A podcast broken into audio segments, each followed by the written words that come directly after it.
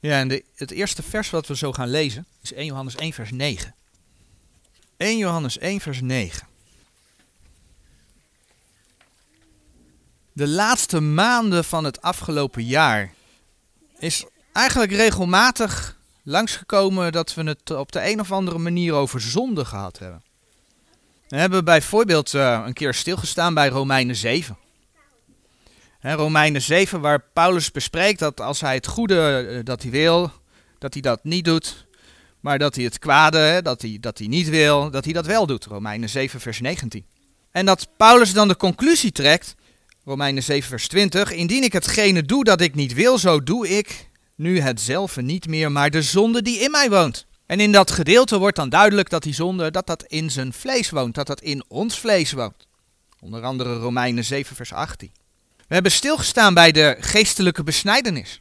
Dat de Heer met de wedergeboorte de mens geestelijk besnijdt. En we hebben gezien wat dat dan inhoudt. We hebben gezien dat, ja, dat er een geestelijk, ja, noem het maar, proces is waardoor ziel en vlees geestelijk gezien van elkaar losgesneden worden. Colossense 2, vers 10 tot en met 14. Het gevolg daarvan was, of is, dat de zonde geen invloed meer heeft op jouw ziel. En dat je ook gaat begrijpen dat je dus door het volbrachte werk van de Heer Jezus Gods rechtvaardigheid toegerekend kan worden. Eigenlijk, het is, aan de ene kant is het iets lastigs, aan de andere kant als je het eenmaal ziet, en het staat gewoon geschreven, dan is het eigenlijk ook gewoon heel logisch. Door het werk van de Heer Jezus, door dat aan te nemen, hè, wij mensen zijn niet rechtvaardig, maar krijg je van de Heer zijn rechtvaardigheid toegerekend. Wauw. En dat geeft zekerheid, zekerheid in je geloof. Je weet gewoon dat Hij het voor jou volbracht heeft. Maar we zagen ook, hè, de, de, praktijk van ons dagelijks leven, dat ons vlees ons tot zonde verleidt. Eigenlijk de teksten van, van Paulus in Romeinen 7. En dat we daarom opgeroepen worden om bijvoorbeeld ons hart te behoeden. Spreuken 4, vers 25. We hebben erbij stilgestaan dat we dus onze poorten moeten bewaken. Wat komt er binnen? Via onze ogen, via onze oren, noem maar op. Maar wat gaat er ook uit? Via onze mond. Zorg ervoor dat er geen zonde binnenkomt. Zorg ervoor dat er geen zonde naar buiten gaat. En we zagen hoe belangrijk het is, onder andere aan de hand van Spreuken 12, vers 25, hoe belangrijk het is waar je je mee vult. Vul je je met alle onrust van deze tegenwoordige wereld, dan word je ook zelf onrustig. Dat bedrukt je. Vul je je met het woord van God, kijk je naar zijn belofte, ook over de toekomst, dan word je blij. Dan ervaar je zijn vrede. Maar de lijn daardoorheen was dus ja, toch iedere keer weer, kwam ook die zonde naar voren. En daarbij heb ik ook regelmatig 1 Johannes 1 vers 9 genoemd. Want zoals blijkt uit hetgeen de Heer door Paulus zegt, zondig je iedere keer weer. En ja, dat gaat dus sneller dan je denkt. En dan is het belangrijk dat je weet hoe je Gods vergeving kunt zoeken. En in 1 Johannes 1 vers 9 staat geschreven: Indien wij onze zonde beleiden, hij is getrouw en rechtvaardig dat hij ons de zonde vergeven en ons reinigen van alle ongerechtigheid. Dat was 1 Johannes 1 vers 9. Ik lees hem nog een keer. Indien wij onze zonden beleiden, hij is getrouw en rechtvaardig, dat hij ons de zonde vergeven en ons reinigen van alle, niet van dit of van dat, en misschien ook nog van dat, nee, van alle ongerechtigheid. Ik denk dat het goed is om wat uitgebreider bij dit vers stil te staan. Ook omdat je tegenwoordig steeds vaker hoort dat gelovigen, dat ze zeggen dat ze geen vergeving meer hoeven te vragen. De Heer laat namelijk juist zien dat het heel belangrijk is om vergeving te vragen. Sterker nog, om je zonde te beleiden. Want beleiden gaat een stukje dieper dan vergeving vragen. Maar daar komen we straks op terug. Sommigen zeggen, juist op grond van Gods woord, 1 Johannes 1 vers 9. En sommigen zeggen juist op grond van Gods woord en juist op grond van het recht verdelen van Gods woord, dat 1 Johannes 1 vers 9 niet voor de gemeente is, niet voor ons vandaag de dag. En hoe redeneert men dan? Nou, wij zouden geen vergeving meer hoeven te vragen voor onze zonden, want we zouden vergeven zijn. Ik spreek nu even namens degene die dit leren. 1 Johannes 1 vers 9 gebruikt het woord beleiden in de zin van het beleiden voor de zon, van de zonde. En als je dan in de brieven van Paulus aan de gemeente gaat zoeken, dan kom je, in geen, kom je geen één keer tegen dat Paulus zegt dat je je zonde moet beleiden. Paulus zegt dat in de brieven aan de gemeente nergens.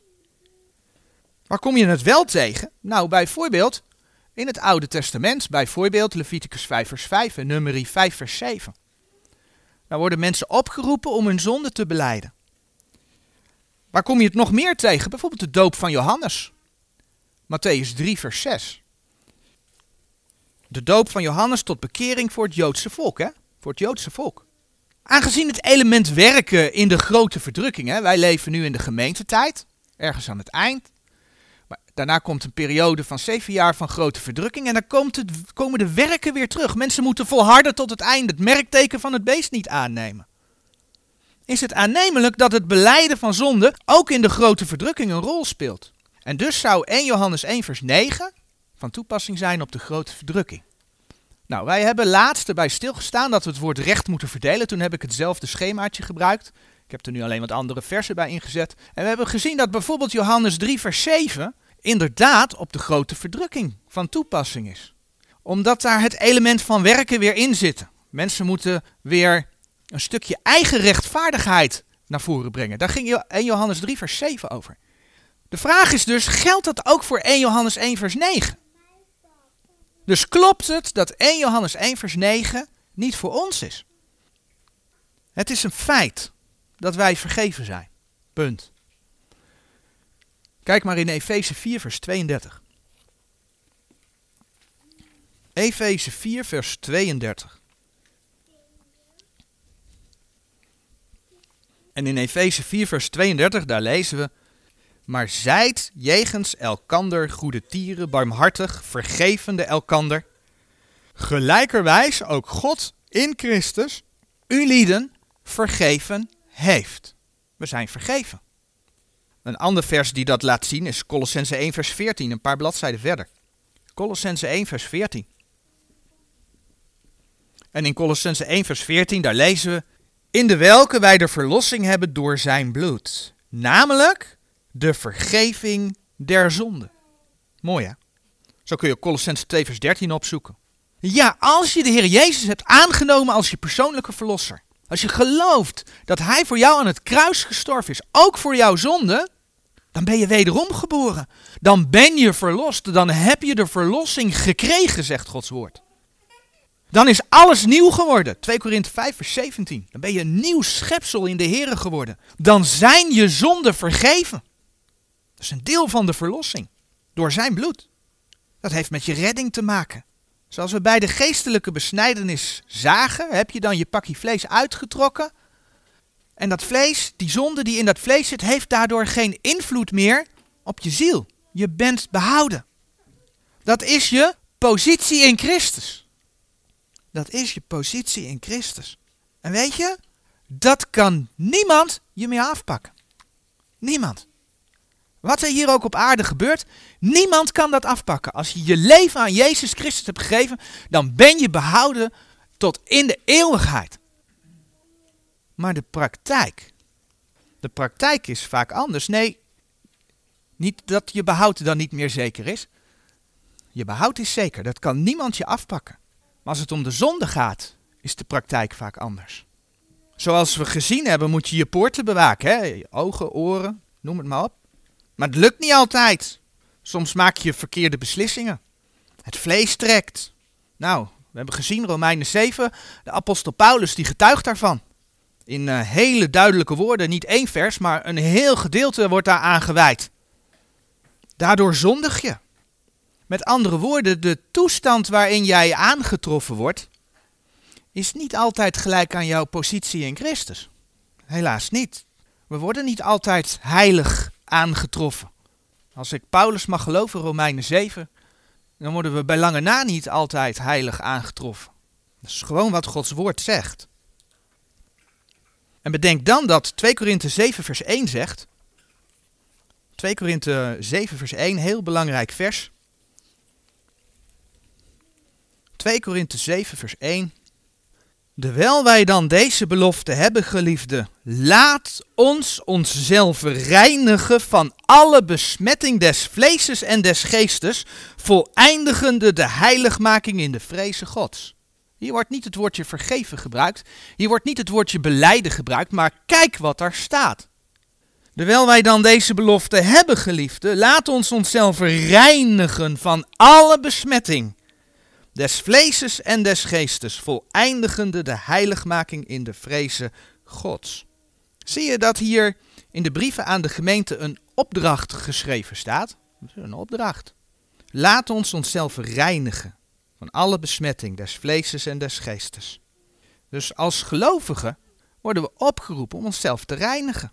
Dat is exact de context ook van 1 Johannes 1 vers 9. Kijk maar in 1 Johannes 1 vers 7. Dat spreekt ook over reinigen. 1 Johannes 1 vers 7. Maar indien wij in het licht wandelen, gelijk Hij in het licht is, zo hebben wij gemeenschap met elkander en het bloed van Jezus Christus, Zijn Zoon, reinigt ons, reinigt ons van alle zonden. Zie je dat dat gewoon klopt met elkaar? Het klopt gewoon. De Heere wil ons dus in de gemeenschap met zichzelf, in de relatie tussen, ja, tussen jou en de Heere, in de gemeenschap met elkaar reinigen door zijn bloed. En het gaat in deze context helemaal niet over behoud.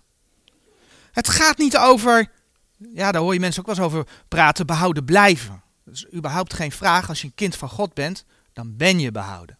Maar ik noem het maar even. Het gaat hier niet over behoud. Nee, die hele context gaat over gemeenschap met de Heer, een relatie met de Heer hebben. Zo lezen we bijvoorbeeld in vers 3 van 1 Johannes 1. Hetgeen wij dan gezien en gehoord hebben, dat verkondigen wij u, opdat ook gij met ons gemeenschap zoudt hebben, en deze onze gemeenschap ook zij met de Vader en met zijn Zoon, Jezus Christus. En vers 6. Indien wij zeggen dat wij gemeenschap met hem hebben en wij in de duisternis wandelen, zo liegen wij en doen de waarheid niet. Met andere woorden, ja, we zijn vergeven, we zijn behouden, als je Jezus Christus als je persoonlijke verlosser hebt aangenomen.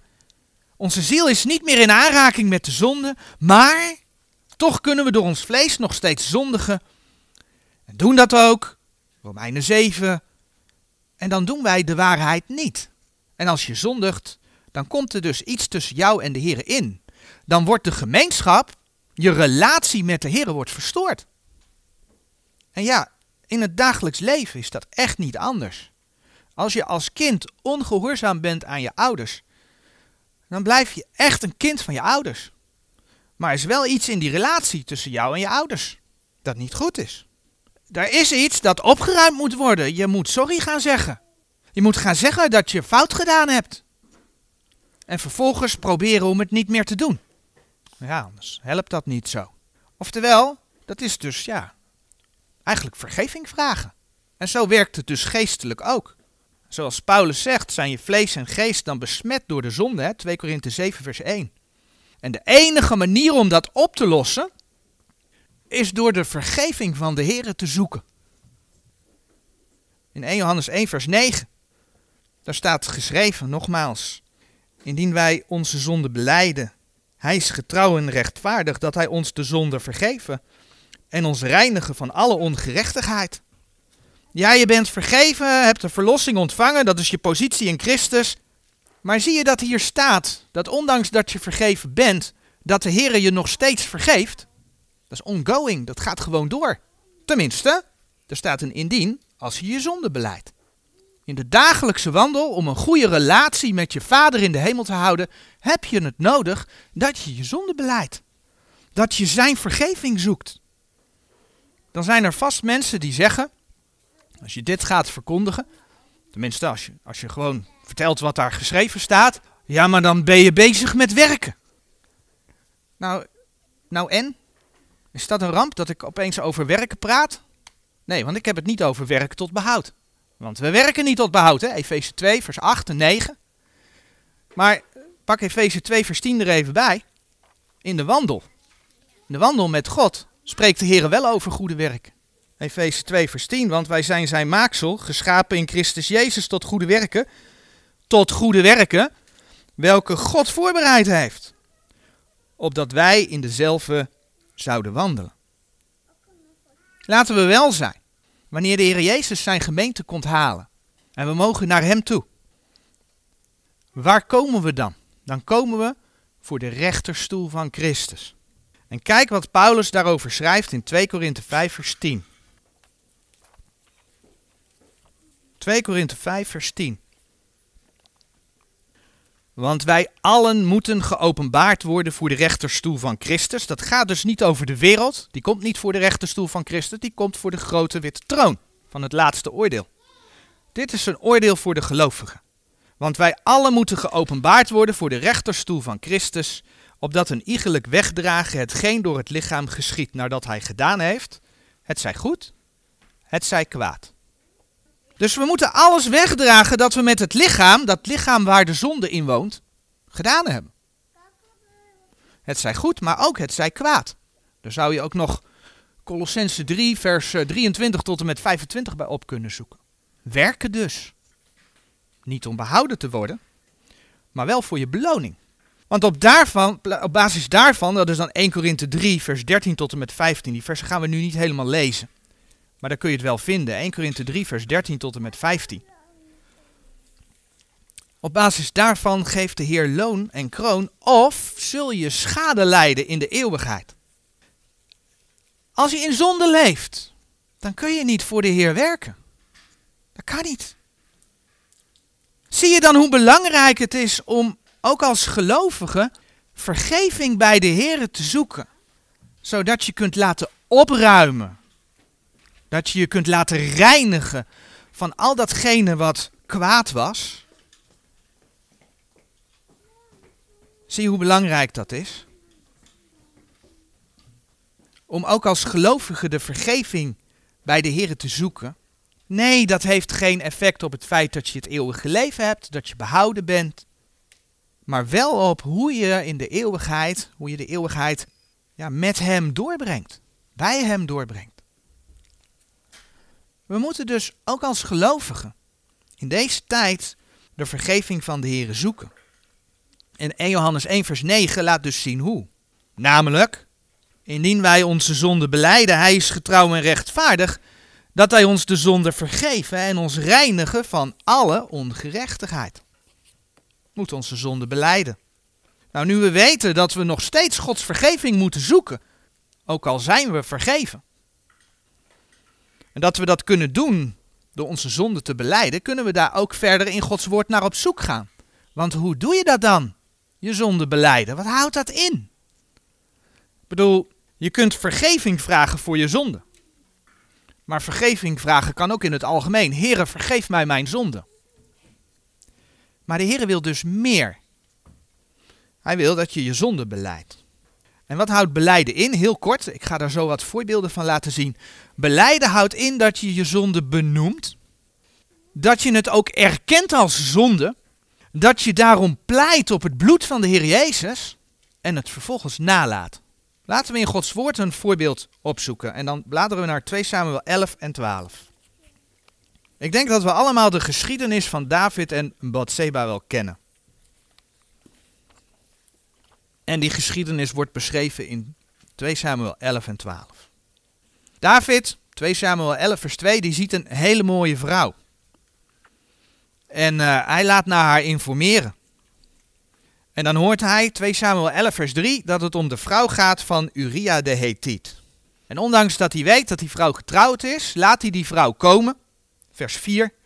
En ja, hij laat die vrouw niet alleen komen, maar ze gaan ook samen naar bed. En wanneer dan blijkt dat ze zwanger is, 2 Samuel 11 vers 5, ja, dan heeft David een probleem. En hij bedenkt niet dat hij een fout heeft begaan. Nee, wat doet hij? Hij laat Uria van de strijd komen en hoopt dat Uria met zijn vrouw gaat slapen. 2 Samuel 11 vers 8. Maar Uria die doet dat niet. En dan geeft David Joab de opdracht om Uria in de strijd te laten omkomen. 2 Samuel 11 vers 15. En ja, Uria sterft. En na die periode van rouw voor Bathseba, dan trouwt David met Bathseba. Dat lees je in vers 27 van 2 Samuel 11. En wat gebeurt er dan? Dan komt de profeet Nathan. Die komt bij David en die maakt David duidelijk dat hij gezondigd heeft in de ogen van de Heer. Dat lees je in de eerste zeven versen van 2 Samuel 12. En dan zegt hij, Nathan, tegen David in vers 9, dat vers dat lezen we. Waarom hebt gij dan het woord des Heren veracht? David had het woord van de Heere God veracht. Doende wat kwaad is in zijn ogen. Is wat? En eindelijk komt David tot inkeer. En dan zegt hij in vers 13. Toen zeide David tot Nathan, ik heb gezondigd tegen de Heere. En Nathan zeide tot David, de Heere heeft ook uw zonde weggenomen. Gij zult niet sterven. David had hoererij gepleegd. Hij was met een vrouw van een ander naar bed gegaan. Hoererij, overspel. David had een moord gepleegd. En als je in Leviticus 20 vers 10 en nummer 35 vers 31 tot 33 gaat kijken, dan zie je dat er onder de wet gewoon de doodstraf op stond. David had moeten sterven volgens de wet. Maar God zei dat hij de zonde weggenomen had en dat hij niet hoefde te sterven. Dat was genade van God onder de wet dat David mocht blijven leven. Neemt niet weg dat als je die geschiedenis leest, bijvoorbeeld 2 Samuel 12, vers 11 en 14, dat David wel degelijk gestraft is voor de zonde die hij gedaan heeft. er werd een kind geboren, dat kind dat stierf. Maar er gebeurden nog een aantal andere dingen met, met de vrouwen van, van, van David. 2 Samuel 12, vers 11 en 14, daar kun je dat onder andere lezen. Dus hij ondervond wel degelijk de gevolgen van de zonde, maar hij hoefde niet te sterven. Maar de vraag is, hoe beleed David zijn zonde? Naar aanleiding van deze gebeurtenissen heeft David een psalm geschreven en dat is psalm 51. Dat wordt ook wel een boetpsalm genoemd. Een psalm waarin David de Heere zijn zonde beleed. En dan lezen we de eerste zes, vijf, zes van psalm 51. Een psalm van David voor de opperzangmeester. Toen de profeet Nathan tot hem was gekomen, nadat hij tot Bathseba was ingegaan. Zijt mij genadig, o God, naar uw goede tierenheid. Dellig mijn overtreding uit naar de grootheid uw barmhartigheden. Was mij wel van mijn ongerechtigheid en reinig mij van mijn zonde. Want ik ken mijn overtredingen en mijn zonde is steeds voor mij. Tegen u, u alleen heb ik gezondigd en gedaan wat kwaad is in uw ogen, opdat gij rechtvaardig zijt in uw spreken en rein zijt in uw richten. David heeft berouw en hij beleidt dat hij gezondigd heeft. Hij noemt het ook zo. Hij kent zijn overtredingen. Kijk maar in vers 5. Want ik ken mijn overtredingen. En hij noemt die overtreding zelfs bij name. Vers 16. In vers 16 zegt hij van die psalm: Verlos mij van bloedschulden, o God, gij God mijns hels, zo zal mijn tong uw gerechtigheid vrolijk uh, roemen. Verlos mij van bloedschulden. En daarom vraagt hij om reiniging, wat we net in vers 4 gelezen hebben. Reinig mij van mijn zonde. En door het zo te beleiden, als je dat naar vandaag de dag toe vertaalt, erken je dat je zondig bent, erken je dat je gezondigd hebt. En dat het woord van God, vers 6 van Psalm 51, dat het woord van God waarheid is. En dat het woord van God rechtvaardig is. En ja, ik weet het, in deze psalm kom je ook oud-testamentische aspecten tegen. Kijk maar in vers 13. Daar lees je dat David bidt, het tweede deel, en neem uw heilige geest niet van mij. Dat is niet toepasbaar in de gemeentetijd. als lid van het lichaam van de Heer Jezus ben je verzegeld tot de dag der verlossing, zegt Efeze 4, vers 30. Dus de Heer zal zijn heilige geest niet van je wegnemen. Maar Efeze 4 vers 30 ook en 1 Thessalonicense 5 vers 19. Je kunt de Heilige Geest wel bedroeven, je kunt de Heilige Geest wel uitblussen. Dat is ook het Nieuwe Testament. Dus ja, er zit een oud-testamentisch aspect in. Maar dat neemt niet weg dat we van David kunnen leren dat hij zijn zonde beleed door ze te erkennen, door ze letterlijk te benoemen en om reiniging te vragen. Dat is namelijk de opdracht die ook Paulus in 2 Korinthe 7 vers 1 heeft gegeven. Die hebben we vanmorgen gelezen. Een andere psalm die ook heel mooi duidelijk maakt wat beleiden is, is psalm 32. Dat is ook zo'n boetpsalm. En dan lezen we in het vijfde vers van die psalm. Mijn zonde maakte ik u bekend en mijn ongerechtigheid bedekte ik niet. Ik zeide, ik zal beleidenis van mijn overtredingen doen voor de Heere. En gij vergaaft de ongerechtigheid mijner zonde. Selah. Hier lezen we opnieuw dat God vergeeft wanneer je je zonde beleidt. Precies zoals 1 Johannes 1 vers 9 zegt. En zoals 2 Korinthe 7 vers 1 je oproept om jezelf te reinigen. En dat doe je dus door je zonde niet te bedekken. Niet door ze weg te moffelen. Niet door een ander de schuld te geven, hè, zoals uh, Eva, uh, Adam naar Eva wees en Eva naar de slang wees in, in, in Genesis. Maar dat doe je door ze bekend te maken bij de Heer. En even voor de goede orde, daarom staat hierboven ook zonde beleiden aan de Heer. Dat doe je dus niet bij een priester, dat doe je niet bij een voorganger, maar dat doe je bij de Heer zelf. Want Hij vergeeft en niemand anders. Dus er is een verschil. Met aan de ene kant de hele dag maar doorleven en zondigen en aan het eind van de dag zeggen: Heere, vergeef mij al mijn zonden. En vervolgens de volgende dag weer dezelfde agenda af te werken. En aan de andere kant bewust zijn dat je gezondigd hebt, dat je het beleidt, oftewel erkent dat je gezondigd hebt. Het tweede betekent namelijk dat je bewust in je leven staat. Dat je bewust rekening wilt houden met Gods woord. Dat je erkent dat je er niet aan voldaan hebt of er niet aan kunt voldoen. En als je bewust weet dat je over de grenzen van Gods woord heen bent gegaan, als je dat namelijk beseft, dan helpt dat ook om het te kunnen nalaten. Want ja, als je het toch niet weet, kun je het ook niet nalaten. En soms, ja, dat nalaten, dat gaat soms heel makkelijk. Maar soms is dat heel lastig. Als dat iets is wat in jouw vlees zit, waar je moeite mee hebt, dan kan dat heel lastig zijn. En toch is dat wel wat de Heer vraagt. Spreuken 28, vers 13. Die zijn overtredingen bedekt zal niet voorspoedig zijn, maar die ze bekend en laat, zal barmhartigheid verkrijgen. En wil je daar een mooie nieuwtestamentische tekst bij zoeken, dan zou je ook Handelingen 26, vers 20 kunnen opzoeken. In feite gaat het om een, om een omkeer, hè? Een, een vorm van bekering. Nou, daar zie je in Handelingen 26, vers 20 een heel mooi voorbeeld van. Maar misschien dat er mensen zijn die zich afvragen: oké, ik zie dat ik moet beleiden, maar wat moet ik dan beleiden?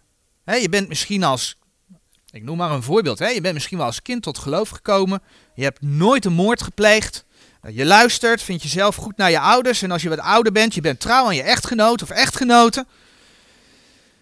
Je zit niet vast aan je geld, denk je.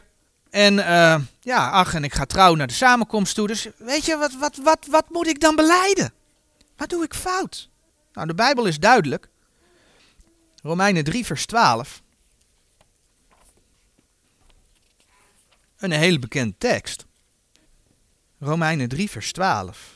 Er is niemand die goed doet, er is ook niet tot één toe. En ja, ik weet dat die heel vaak bij het evangeliseren gebruikt wordt, maar het geldt ook voor ons als gelovigen. De zonde woont in je vlees. En Paulus laat zien hoe snel we toch dat vlees achterna gaan, Romeinen 7. En ik denk dat iedereen ergens van zichzelf wel weet, als je de Bijbel leest, op welk vlak je moeite hebt om de Heer te volgen. Op welk vlak je moeite hebt om je vlees niet te volgen.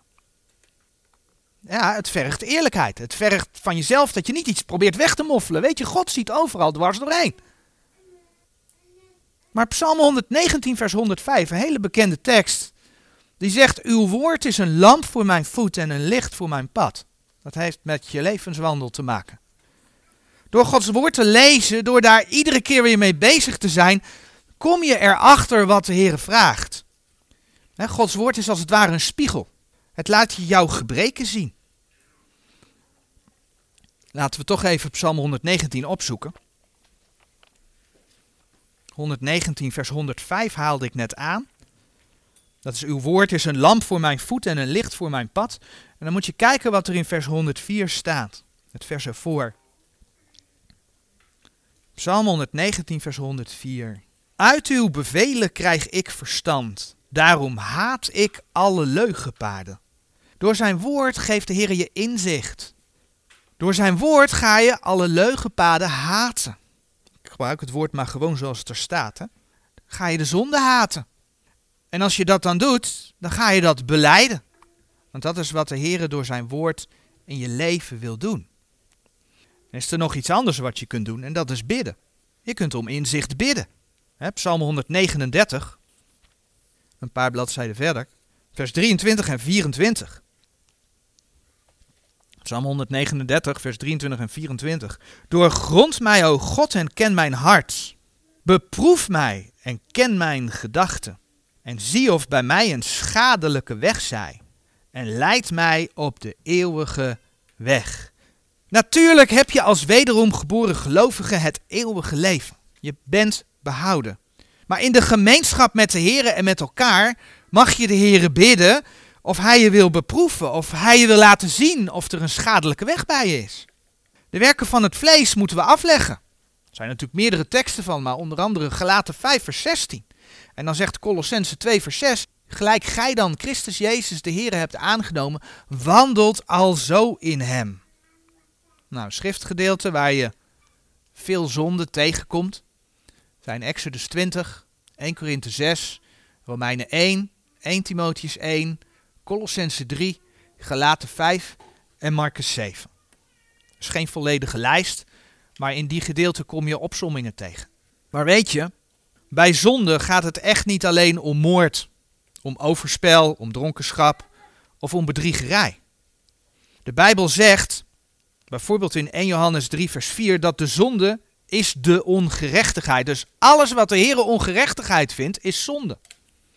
De Heere zegt ook bijvoorbeeld in Romeinen 14, vers 23, dat alles wat niet uit het geloof is, zonde is. Nou, denk daar maar eens over na. Dat alles wat niet uit het geloof is, zonde is. Zo zegt de Bijbel ook, in die tekst zoeken we op in Jacobus 4, vers 17.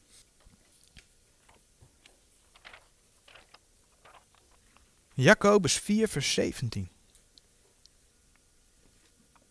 Daar staat geschreven, wie dan weet goed te doen en niet doet, dien is het zonde. Wauw. Dus als je weet dat iets goed is om te doen en je doet het niet, zegt de Heer, dan is dat zonde. Dat is nogal wat. Ik wil graag een voorbeeld noemen. En dan buiten die grote indeling hè, van, van waar ik net noemde, dat dat, dat je allemaal die opsommingen hebt en waar je dan hoererij in tegenkomt en, en bedriegerij en nou, noem het allemaal maar op, moord en, en dronkenschap, waarin je die dingen tegenkomt, die wil ik even buiten beschouwing laten. Daar kun je je wel bij voorstellen dat dat zonde is als je dat gedaan hebt, dat je dat moet beleiden. Ik wil wat andere dingen benoemen die, die, die buiten die teksten omgaan. En een mooi voorbeeld is wat er in Filippenzen 4, vers 6 en 7 geschreven staat. Filippenzen 4, vers 6 en 7. In die versen staat het volgende geschreven. Wees in geen ding bezorgd, maar laat uw begeerte in alles door bidden en smeken met dankzegging bekend worden bij God. En de vrede Gods, die alle verstand te boven gaat, zal uw harten en uw zinnen bewaren in Christus Jezus. De Heere geeft je dus de opdracht om je geen zorgen te maken. Dat lazen we net, vers 6. Wees in geen ding bezorgd. Dus niet maak je geen zorgen voor dit en dat. Nee, wees in geen ding bezorgd. Nergens in. Dat is wat de Heer zegt. Maak je, begeerte bij de, je mag je begeerte bij de Heer neerleggen. Maar hoe vaak maak je je misschien wel zorgen? Noem maar wat, hè? Over je baan. Of over je gezondheid. Over je kinderen over allerlei gevaarlijke dingen in deze maatschappij. Dat is nogal wat, hè? Op wat voor vlak dan ook. De tijd waarin we leven. Maar de Heere zegt: wees in geen ding bezorgd. Nou, als je je dus wel zorgen hebt gemaakt, dan heb je dus wat te beleiden. En dan komt het moeilijkste, moet je het ook nog nalaten. Want ja, weet je, als je dus zorgen maakt, heb je niet op de Heere God vertrouwd. Je hebt niet vertrouwd dat hij een oplossing voor jouw situatie heeft. Ja, misschien ook nog een oplossing die je niet helemaal zou verwachten. Want we willen natuurlijk als we bidden ook het liefst nog de Heer de oplossing in de, in de mond leggen. Wees in geen ding bezorgd, maar laat uw begeerte in alles door bidden en smeken met dankzegging bekend worden bij God. En iets eerder, Filippenzen 4 vers 4. Verblijd u in de Here allen tijd. Wederom zeg ik verblijd u. Zijn wij altijd blij? Ja, ik zeg het ook naar mezelf, hè. Gewoon eerlijk. Ben ik altijd blij? Nou, ik kan wel zeggen dat ik niet altijd blij ben. Maar hier staat, verblijd u in de Here alle tijd. Ik denk dat er maar weinig mensen altijd blij zijn. En toch zegt de Heer dat. En misschien nuance aanbrengen. Kun je door droevige dingen heen zien en dan toch blij zijn in de Heer? Omdat je weet dat Hij nabij is. Omdat je weet dat Hij alle dingen in zijn handen heeft. Ook deze tijd. Ook dat Biden president is geworden in Amerika. Ook dat ze met inentingen bezig zijn. Ook dat, noem het maar op, dat de Heer alles in zijn handen heeft. Dus als je niet blij bent in de Heer en je laat leiden door droefheid, dan heb je wat te beleiden. En tegelijkertijd kun je dan meteen je noden bij hem neerleggen. Want dan zegt de Heer, dat hebben we net ook gelezen in Filippenzen 4, vers 6 en 7, dan zal hij je zijn vrede geven die alle verstand te boven gaat. Dat is een belofte die hij geeft. Hij wil je zijn vrede laten ervaren, doordat hij voor je zorgt. Maar vertrouw je ook dat hij voor je zorgt. En zo zijn er nog veel meer voorbeelden te bedenken. Feit is dat je het zelfs in kleine dingen nodig hebt om God om reiniging te vragen. Dat doe je door je zonde te beleiden. Dat doe je door ze letterlijk te noemen. Het lijstje wat we, wat we besproken hebben. Dat doe je door ze letterlijk te noemen. Door ze na te laten. Of in elk geval een poging te doen om ze na te laten. We mogen de Heer daarin ook om zijn leiding vragen. Of hij ons door zijn woord duidelijk wil maken hoe wij in het leven staan. Nou, we zagen net al dat de Heer ons zijn vrede wil geven. Als je in gemeenschap met de Heer leeft, als je, als je een relatie, als je echt, echt een relatie met Hem wil hebben, als je ernaar streeft dat die gemeenschap niet verstoord wordt, of als die verstoord is, dat die verstoring opgeruimd wordt, dan zal je dat ook vreugde geven. Ik blader even terug naar Psalm 51. Psalm 51. We hebben stilgestaan bij de zonde van David. Dan moet je kijken wat, wat David bidt in vers 14. Psalm 51, vers 14. Geef mij weder de vreugde uws heils en de vrijmoedige geest ondersteunen mij. Geef mij weder de vreugde uws heils. Als je je zonde beleidt, dan is de gemeenschap, dan is je relatie met de Heer hersteld en dan geeft dat vreugde. Is het niet geweldig om een, ja, noem het een, een, open relatie met de Heer te kunnen hebben? Een relatie die heel close is. Dat je echt weet dat Hij nabij is. Nog niet zo lang geleden, dat is de laatste, het laatste vers wat we opzoeken, hebben we stilgestaan bij Romeinen 8, vers 6. En met dat vers wil ik dan afsluiten. Romeinen 8, vers 6. Want het bedenken des vleeses is de dood, maar het bedenken des geestes is het leven en vrede. Dat is wat de Heer zegt. Mensen die hun zonde niet beleiden, die Gods vergeving niet zoeken, zullen op de een of andere manier de vreugde in hun geloofsleven gaan missen. De Heer kan zijn vrede niet meer geven. Maar denk ook aan het effect bij de rechterstoel van Christus. Als jij niet beleidt, tja, houd je relatie met de Heer dus goed. Amen.